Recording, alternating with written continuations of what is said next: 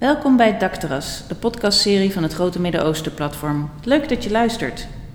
De beste gesprekken in het Midden-Oosten vinden plaats op het Dakterras. En vandaag zijn we te gast in het Huis van het Boek, een museum over, jawel, boeken in Den Haag. Daar is momenteel de tentoonstelling Groeten uit de Oriënt te zien. Een tentoonstelling over vooral de westerse beeldvorming over het Midden-Oosten. Een onderwerp waar wij bij het Grote Midden-Oosten platform veel van vinden. In de tentoonstelling bieden boeken, filmaffiches, kunstnijverheid en foto's uit de 17e tot en met de 20e eeuw samen een blik op het ontstaan van de stereotypen die wij hier in het Westen creëerden over de Oosterse wereld. En deze Oosterse wereld strekte zich van Marokko tot met Saoedi-Arabië en alles ertussenin, met iets naar boven ook nog Turkije erbij. Mijn naam is Vanessa Lambrecht en ik zit hier vandaag met collega Quinty Hendricks. Hallo, ik ben Quinty. Ik ben een masterstudent in Middle Eastern Studies en ik loop momenteel stage bij het Grote Midden-Oosten platform. Het maken van deze podcast is een van mijn stageprojecten. Als bezoeker van de tentoonstelling in Huis van het Boek loop je door vijf verschillende ruimtes die elk een bepaald thema hebben. Je ziet reisboeken, prentbijbels, aanzichtkaarten, pulpromans, detectives, tijdschriften, maar ook filmposters en verschillende afbeeldingen en illustraties van bijvoorbeeld buikdanseressen, gesluierde vrouwen en sheiks. In elk van de vijf ruimtes bevindt zich daarnaast een scherm waarop deskundigen afkomstig uit Noord-Afrika en het Midden-Oosten te zien zijn, die vertellen over het thema van die zaal. Voor het eerste deel van deze podcast hebben we een aantal fragmenten uit deze filmpjes uitgekozen waarvan we de audio zullen laten horen. De deskundigen vertellen op die manier samen over de rode draad die door de gehele tentoonstelling loopt. Het westerse beeld van de Oosterse ander en de belangrijke rol die stereotypen speelden en nog steeds spelen in deze beeldvorming. In het tweede deel van de podcast zullen we over dit onderwerp in gesprek gaan met een van onze eigen deskundigen bij het Grote Midden-Oosten platform. En Quinty, waarom heb je gekozen voor deze audiofragmenten uit deze tentoonstelling? Nou, eh, de tentoonstelling in Huis van het Boek uh, draait om de westerse beeldvorming over de Oosterse wereld. Maar in een podcast kun je niks van die tentoonstelling laten zien. Je kunt geen boekenkaft of filmposter of foto laten zien. Wat je wel kunt doen is erover vertellen. En nu kan ik zelf wel vertellen over wat ik allemaal zie, maar ik vind het een beter idee om een aantal deskundigen afkomstig uit de regio aan het woord te laten. Ik zal zelf wel de audiofragmenten inleiden, soms toelichten, het zijn voornamelijk de deskundigen die aan het woord komen. Zij stellen zich eerst even kort voor. Ik ben Sherwin Nekwe. Ik ben uh, socioloog uh, van beroep. En uh, ik woon sinds mijn negentiende hier. En sindsdien heb ik het ook eigen gemaakt om te kijken naar de blik van de Nederlander naar de andere. Ik ben Hassan Boza. Ik ben journalist, schrijver, vertaler nog steeds af en toe een klein beetje en programmamaker. Ik ben Mirjam Chatanawi. Uh, ik ben gespecialiseerd in de kunst en cultuur van het Midden-Oosten en Noord-Afrika. Ik heb 18 jaar lang uh, als conservator uh, bij het Tropenmuseum gewerkt. En nu geef ik les, onder andere in islamitische kunst, en schrijf ik daarover. In het eerste audiofragment vertelt deskundige Shervin Nekwe over de literatuurwetenschapper Edward Said, die een boek schreef over het begrip Orientalisme. Dit begrip is erg belangrijk wanneer we het hebben over het beeld dat de een heeft over de ander. En aangezien het begrip Orientalisme ook verschillende keren terugkomt in de tentoonstelling en in de verschillende audiofragmenten, is het goed om dit begrip eerst even kort toe te lichten. Als je de andere als naïver, exotischer, soms misschien ook achterlijker kan schetsen, heb je ook voldoende legitimiteit om eh, zeg maar, de andere te domineren. Dat laatste kan je niet zomaar zien in een of andere schilderij, een of ander fragment, maar als je het geheel bekijkt. En wat interessant is, is in 1978 eh, een Amerikaans-Palestijnse schrijver is begonnen om te kijken wat is de rode draad van al die verhalen over het Oriënt. Al die schilderijen. Dat boek heette Orientalisme. De schrijver daarvan was Edward Said. Said claimt dat die rode draad heeft alles te maken met politieke proces en dynamiek dat Europa meemaakte richting veroveren van vele andere landen. En dat het een dergelijke manier van kijk en representatie als het ware, en presenteren van het Oosten, gaf voldoende grond en bodem aan dat verlangen naar domineren. Dat is een, eh, behoorlijke uh, bewering, een, een stevige bewering. Maar het is een interessante stelling en het is een manier om te kijken ook naar kunst en cultuur. Het begrip Orientalisme is dus, kort samengevat, de dominante vertekende westerse opvatting van de Oriënt. Ook vaak de Oosterse wereld of het Midden-Oosten genoemd. En daarnaast heeft Orientalisme te maken met machtsverhoudingen en dominantie. Probeer om tijdens het luisteren naar de rest van deze podcast het begrip Orientalisme in je achterhoofd te houden, want het verklaart veel.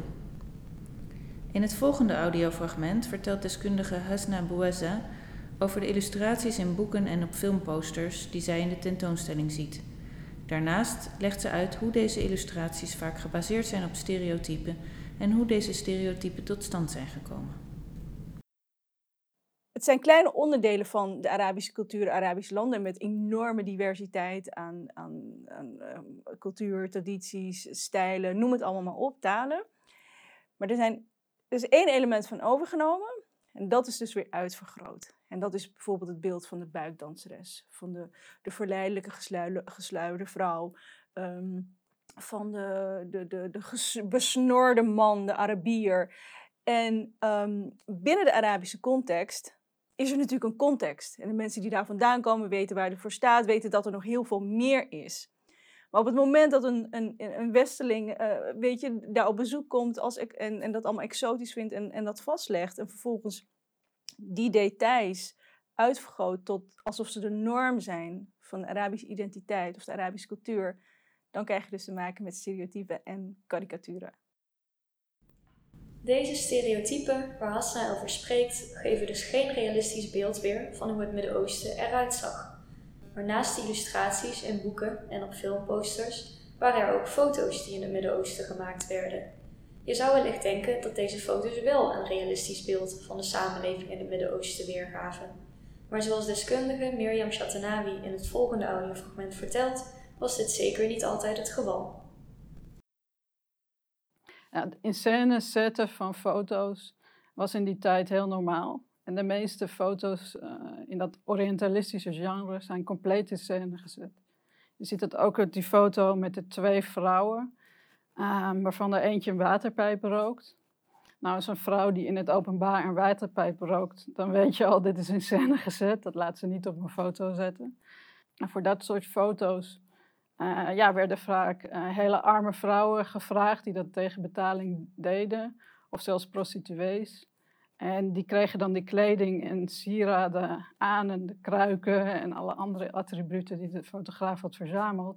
En daar werden ze in gefotografeerd. Dus je moet, ook al is het een foto, je moet dat niet als realistisch nemen.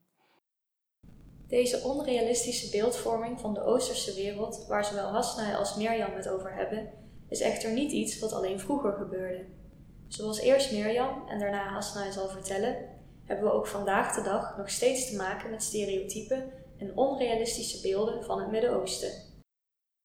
Maar ik zie wel een doorwerking van dat Orientalisme in hoe Midden-Oosterse kunst uh, in Europese tentoonstellingen terechtkomt. Vooral als het echt een, een, een tentoonstelling is over een bepaald land, met name Iran bijvoorbeeld dan gaat altijd de aandacht uit naar kunst die gaat over de positie van vrouwen. Kunst die gaat over gesluierde vrouwen.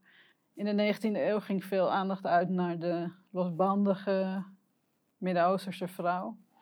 Uh, omdat uh, vrouwen hier als heel kuis werden gezien. Dat was het ideaal.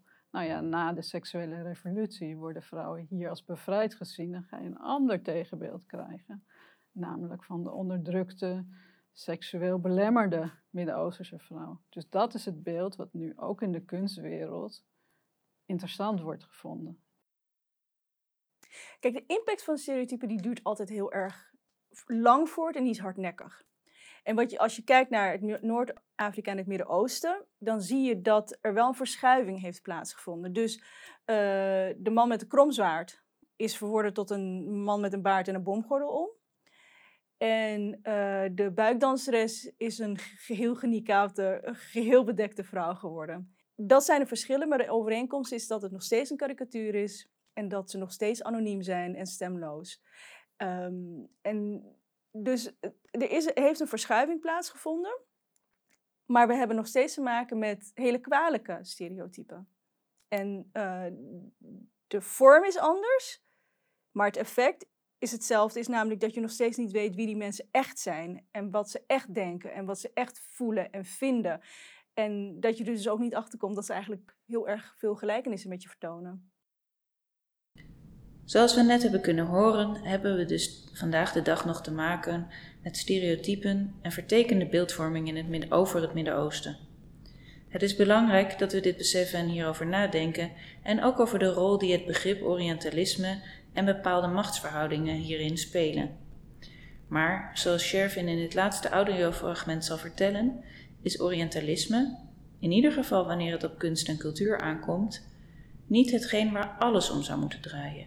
Er moet ook ruimte zijn voor schoonheid, voor je eigen blik en voor je eigen gevoel. Nou, de verleiding bestaat natuurlijk dat als je als kijker dan rondloopt in de expositie, om de bril van Said op te zetten en alleen vanuit dat kritische blik naar alles kijken. Maar ik denk niet dat hij had gewild dat hij niet de schoonheid zag. Of in ieder geval, ik zou niet willen dat de schoonheid uit, uit, uit onze horizon valt door alleen kritisch te kijken. Dus waar het hier om gaat, is om ook je eigen blik ruimte te geven. Wat doet de expositie met jou?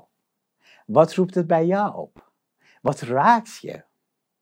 En waar raak je door verbaasd? Dus laat ruimte voor jezelf, terwijl je tegelijkertijd ook ruimte maakt voor kritische stem van Said.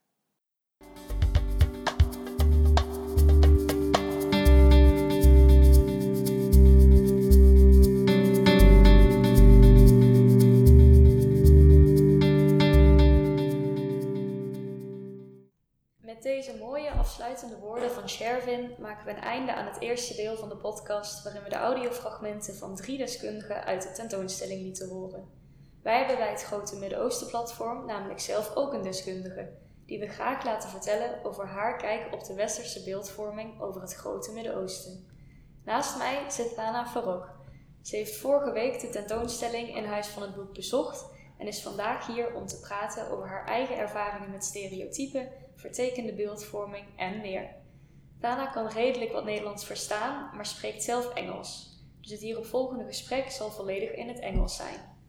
Dana, can you please introduce yourself? Uh, hi, thank you so much for having me today. Um, I'm Thana a photographer and educator based in the Netherlands, and uh, I sometimes I call myself visual artist. um, I started to employ text, sound, and other medium in my work. Um, I focus on issues that related to migration, displacement, memory, and uh, trauma. Uh, I work a lot with women, uh, migrants, especially if, who are coming from the Arab region, um, Syria, Yemen, uh, and uh, yeah, that's about my practice here. Okay, thank you. Well, the first question will be quite obvious, um, but what did you think of the exhibition? Um, I was really curious. You have no idea. the concept of Orientalism has been always big in my case. I mean, I read about it. I listened to podcasts, um, but I've never seen it. It was never visible. It was never visualized. So I was so curious. What is it like? How does it look like?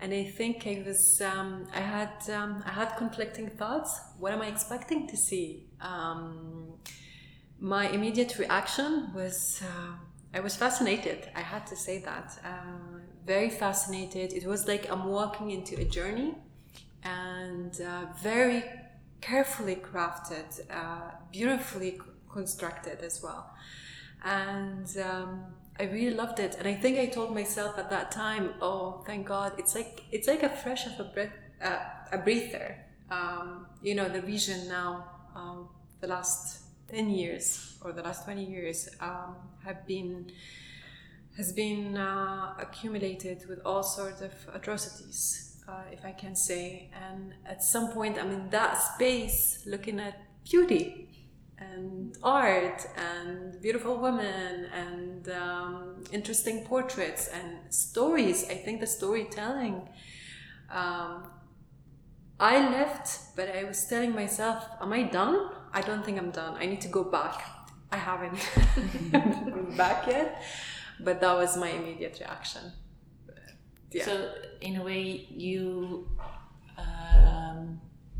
you put it against the stereotype of war and, uh, and atrocity. Precisely. I think I did not. I did not have any um, uh, preset idea of, of what am I expecting. But at the same time, while I'm looking, I had this other images in my background. It's hard not to bring them back, especially me coming from Yemen, uh, experiencing this in my country, this kind of imagery. So at some point, at that moments, like during these those moments when I'm experiencing something completely different, mm. it was it was a break for me. Mm. At, at some point, uh, I'm I'm looking at purely beauty. Mm. It's fictional. Yes. I can get that uh, it doesn't exist, but I was so relieved that it existed mm.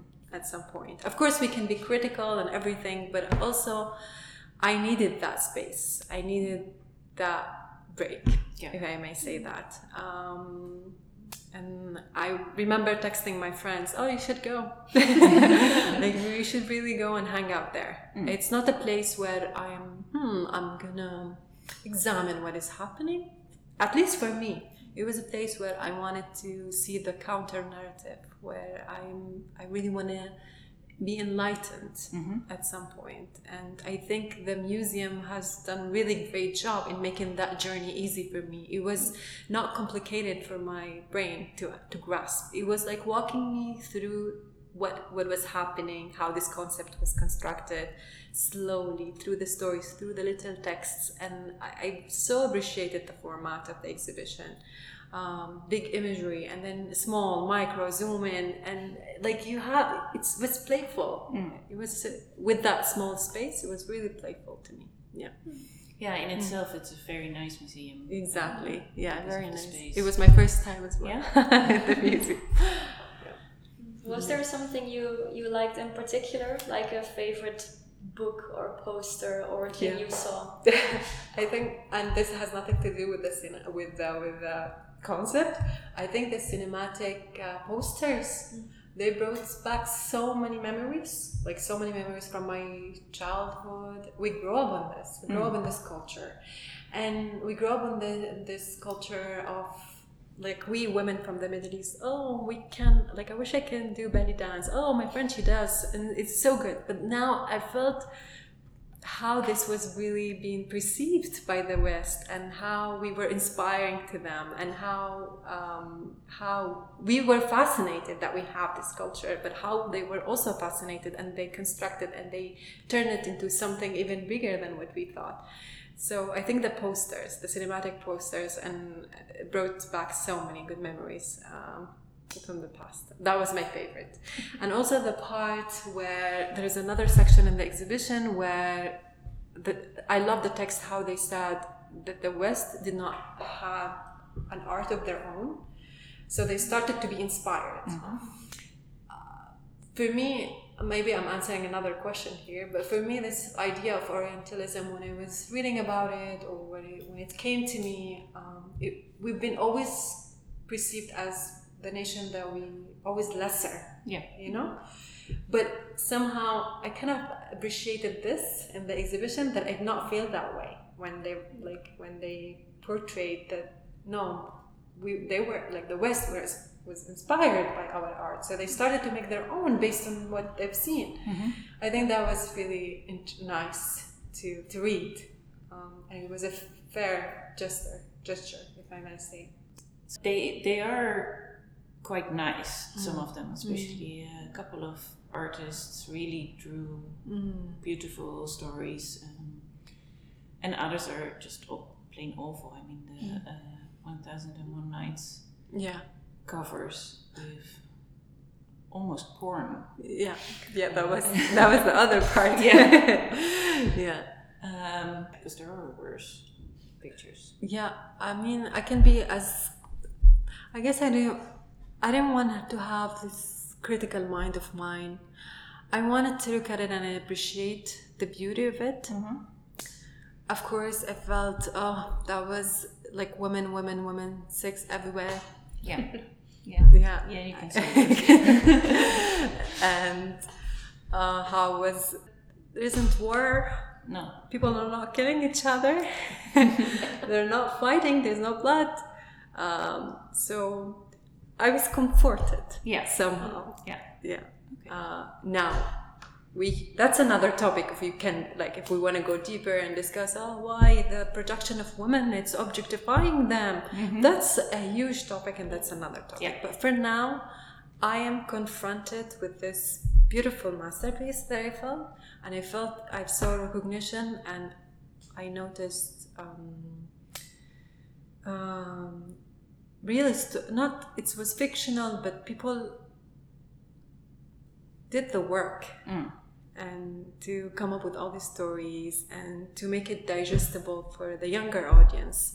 I thought this installation, everyone can visit it, not just me, everyone. I mean, your daughter can go there and she would understand it. Yeah. So I think it, it's like, I appreciated that they made the audience diverse, mm-hmm. not just for a certain audience. Everyone, east, west, they can visit the exhibition and eventually they will learn something and it's not going to be the stereotype that uh, we are region who are busy killing each other. Yeah. So that's something I appreciated. Okay. Um, so you just mentioned stereotypes. Mm. Um, what do they mean for you, and how do they Yeah. come forth in your in your profession? Because you are a photographer, so do they play a role in your work? Is it something you uh, pay attention to, that you are aware of, um, that you try to avoid? Mm. Thank you for asking. It's a really good question. Uh, I guess it's really, um, it brought me back to where I started. Uh, stereotypes are what I, were my driving motive to becoming a photographer today because I started photography around 2014 and I wasn't focusing on stories or um, big projects. No, for me, where I am so angry how Yemen was perceived to the outside world and I wanted to, not to change the image, but I wanted to give a, an um, an accurate representation uh, of the people there, of my country, of the culture. How how do we look like from the inside? So I think my relationship with the stereotype were like were the causes of my anger, and that anger fueled that passion of mine as a photographer. Nowadays, of course, they play a role, um, but I, yeah, definitely they play a role, uh, especially when it comes to stories of migration and displacement. And I feel they are not so central um, as opposed to where it started, but they are there. They have to be there. Yeah. Yeah. But also, what I like about stereotypes that they um, allow you to ask questions, really, really big questions, and and that's important in any case. It's important for all of us to ask the bigger questions here. Yeah. Yeah, and we learn uh, from each other. Yeah. So the, here in the exhibition, what what kind of questions do you think that are being asked? Uh, the bigger question is would be um, how are if this is the representation of women we see today serving the sheikh or the lovers of the sheikh is that true? That's a basic question. Is this true? It started with that. Uh, and if it's not true where i can find the accurate representation of them? So it's, it started with this really tiny, tiny, tiny uh, wondering, if I may say, is it true? Um, uh, who are they today? Uh, where are they? Um, so that's the kind of questions. And then step by step, you started to question everything. Yeah. Um, like story of the sheikh, it's really nothing, but it provides you with tiny clues and tiny questions. There were also photos in the exhibition. Yeah. What did you think of them? Oh, can I be critical? I think there's also this part, uh, this section where um, it talks about Western photographers went to the East and they photographed young generation uh, in seductive manner, shirtless and everything. And I thought, but why? Like that is it part of something? Is a concept? Is it for joy, for fun? But why? Uh, I appreciated the portraits. They're very like because I think it was powerful because you can tell the photographed person are looking at the camera, are being recognized. Here is the thing. I, I appreciate that part, the recognition again. I am giving my consent. I am here. I exist. So that so something was so beautiful to notice that we were recognized and of course there were these part um, women of mecca uh, wearing all this like strong powerful women and i've never ever seen that representation of women before uh, in that kind of photography. And it was inspiring to me as well. Um, so i think this relationship the gaze looking Yeah. at the camera is what we miss today. Because again i bring it back to the modern today world of today. If you go to, uh, to the region um, what would you photograph hunger starving child isn't that is this how we want to be portrayed? Um, so yeah uh, i guess the recognition being strong being able to recognize the camera and to to, to appreciate you as a photographer. Uh, that's what i liked. So we just talked about the photos in the exhibition. Um, one of the experts, Mirjam Shatanawi, she talked during the exhibition about the staging of these photos, um, and that these women, for example, would get uh, clothes to put on and things to have in their hands while being on the photo. Um, so, being a photographer, how does staging of photos play a role in your own work? Do, do you do you stage photos? Um, is it something you are aware of and that you think of while you're doing it, or do you try to avoid it, or how does it work for you? Yeah, I, I noticed that in the exhibition, a lot of staging, of course, and I, um, I do stage, of course. Every I do believe that every photography, photo, photograph out there is staged. I, I wouldn't call it staged photography, but I would call it um, a participatory photography, where I engage the photographed persons in the making. So we, we both, me and the photographed person, do the photo, make this photo happen. Uh, it could be um, it could be simple questions. How would you like to be photographed? What kind of outfit would you like to wear? So giving them the choice um, and the authority uh, to make that happen. So yeah, that's what. I Okay, so lastly, uh, we have a final question for you.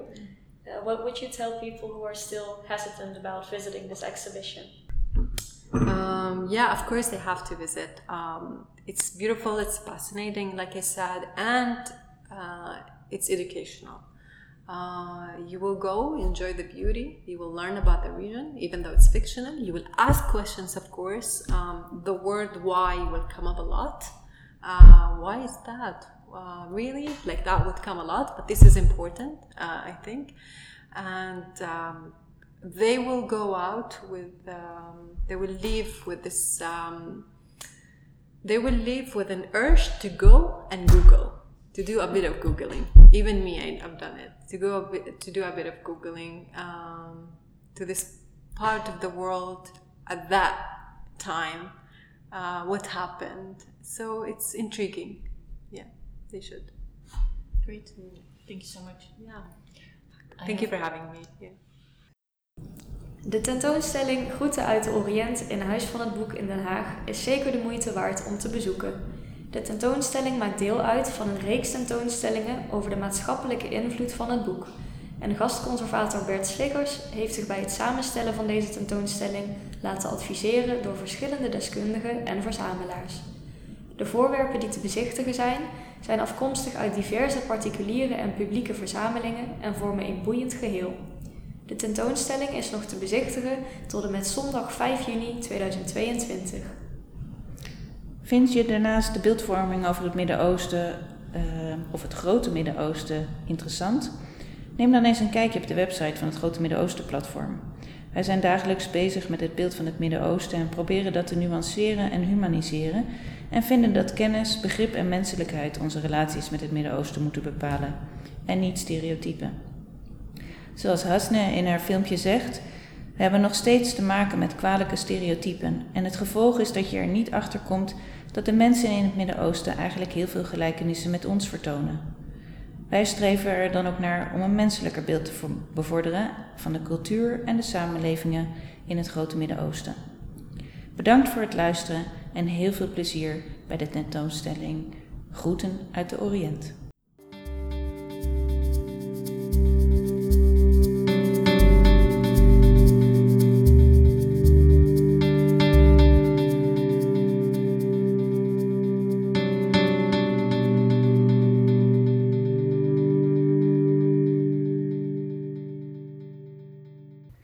Deze Dakterras-podcast kwam tot stand in samenwerking met het Huis van het Boek in Den Haag en het Grote Midden-Oosten-platform. In de podcast zijn audiofragmenten uit de tentoonstelling te horen, met de stemmen van Hasna Bouaza, Mirjam Chatenawi en Shervin Nekoué. Fotograaf Thana Farok werkte mee aan het interview en de productie was in handen van Quinty Hendricks en Vanessa Lambrecht.